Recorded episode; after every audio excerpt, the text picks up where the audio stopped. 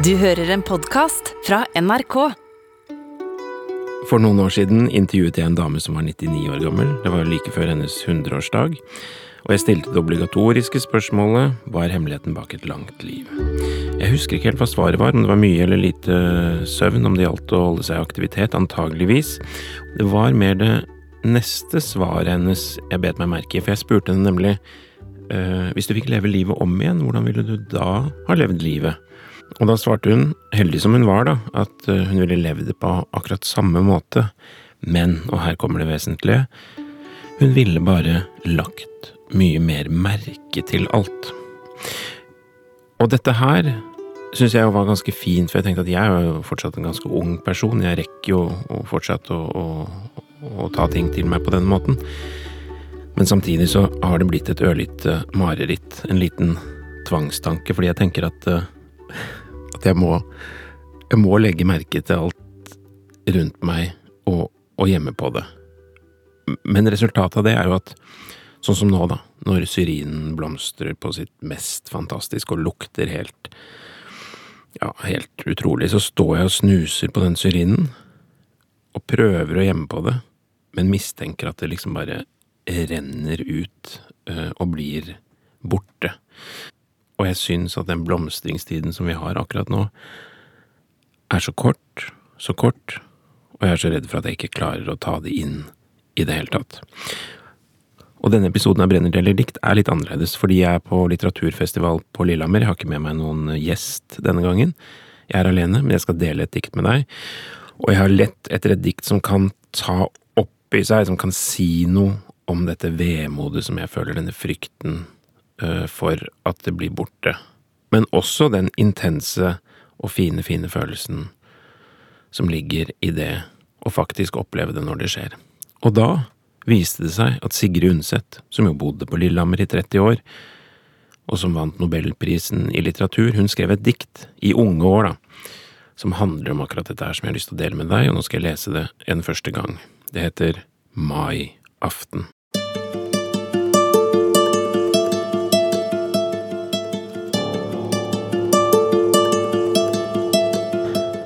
aften. Mai aften, altså. Som sne for vinden fruktblomstbladet fyker, og tjæresort, urolig fjorden går, med hvite spett av skum og regn i byger, sleper henover tunge, våte slør. Men på den sortblå uværshimmel står i vest en svovelgul stripe klart, der dør. I morges da jeg våknet, da var haven i dis og sommersol et eventyr, i frukttrærs hvite blomsterfond begraven, og horisonten vid og havets strøm og himmelen lyseblå og uten skyer gled sammen fjernt og skinnet som en drøm.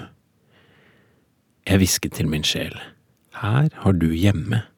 Se, denne verden er ditt fedreland, hør svaleungen i rede, deres stemme, det er jo dine egne drømmers røst. Og se de hvite blomsterkroner, kan du se, de lover rik og yppig høst.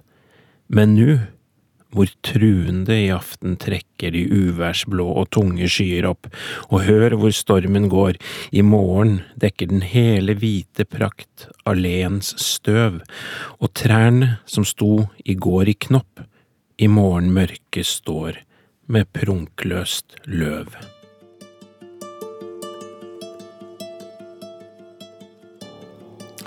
Dette her var altså diktet Maiaften av eh, Sigrid Undset, og det begynner altså med fruktblomstblader som fyker i vinden.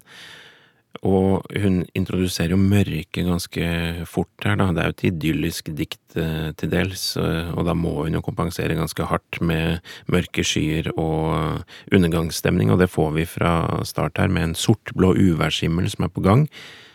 Og det er altså en svovelgul stripe som eh, dør. Solen, kanskje? Vi får ganske fort et lite tilbakeblikk. Hun våknet samme morgen, og da fikk hun se en blomstrende frukthage begravet i en blomsterfond, og det er jo flott! Begravet, altså ikke i snøfond, men i blomsterfond, og så ser hun himmel og hav gli sammen med en slags sånn sømløs overgang, der du ikke ser hvor himmel begynner og hav slutter. Det har i hvert fall jeg sett mange ganger. I Danmark om sommeren, eh, særlig ute ved kysten, så er det umulig å skjønne helt hvor eh, havet begynner og himmelen slutter, og vice versa.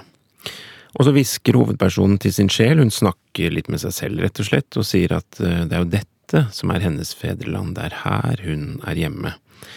Og lyden av fugleungen i redet blir liksom lyden av hennes egne fremtidsdrømmer, men denne paradistilstanden kan jo selvfølgelig ikke vare.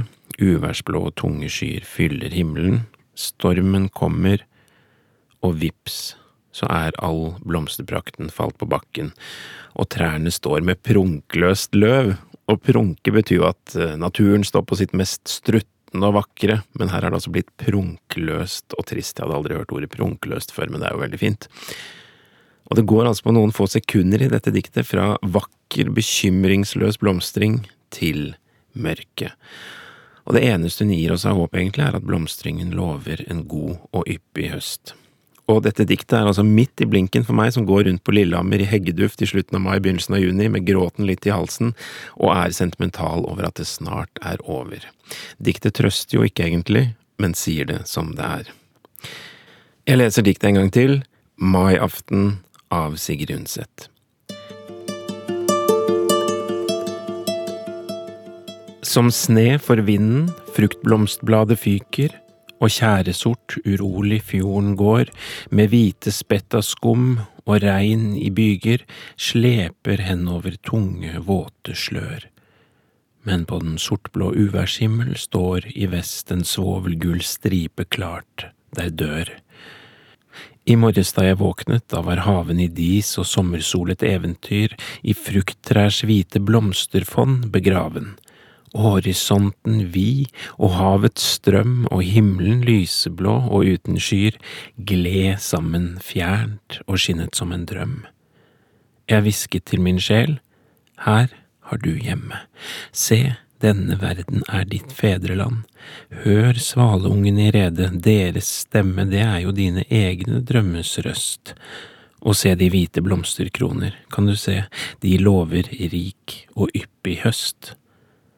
Men nu, hvor truende i aften trekker de uværsblå og tunge skyer opp, og hør hvor stormen går, i morgen dekker den hele hvite prakt alleens støv. Og trærne som sto i går i knopp, i morgen mørke står med prunkløst løv.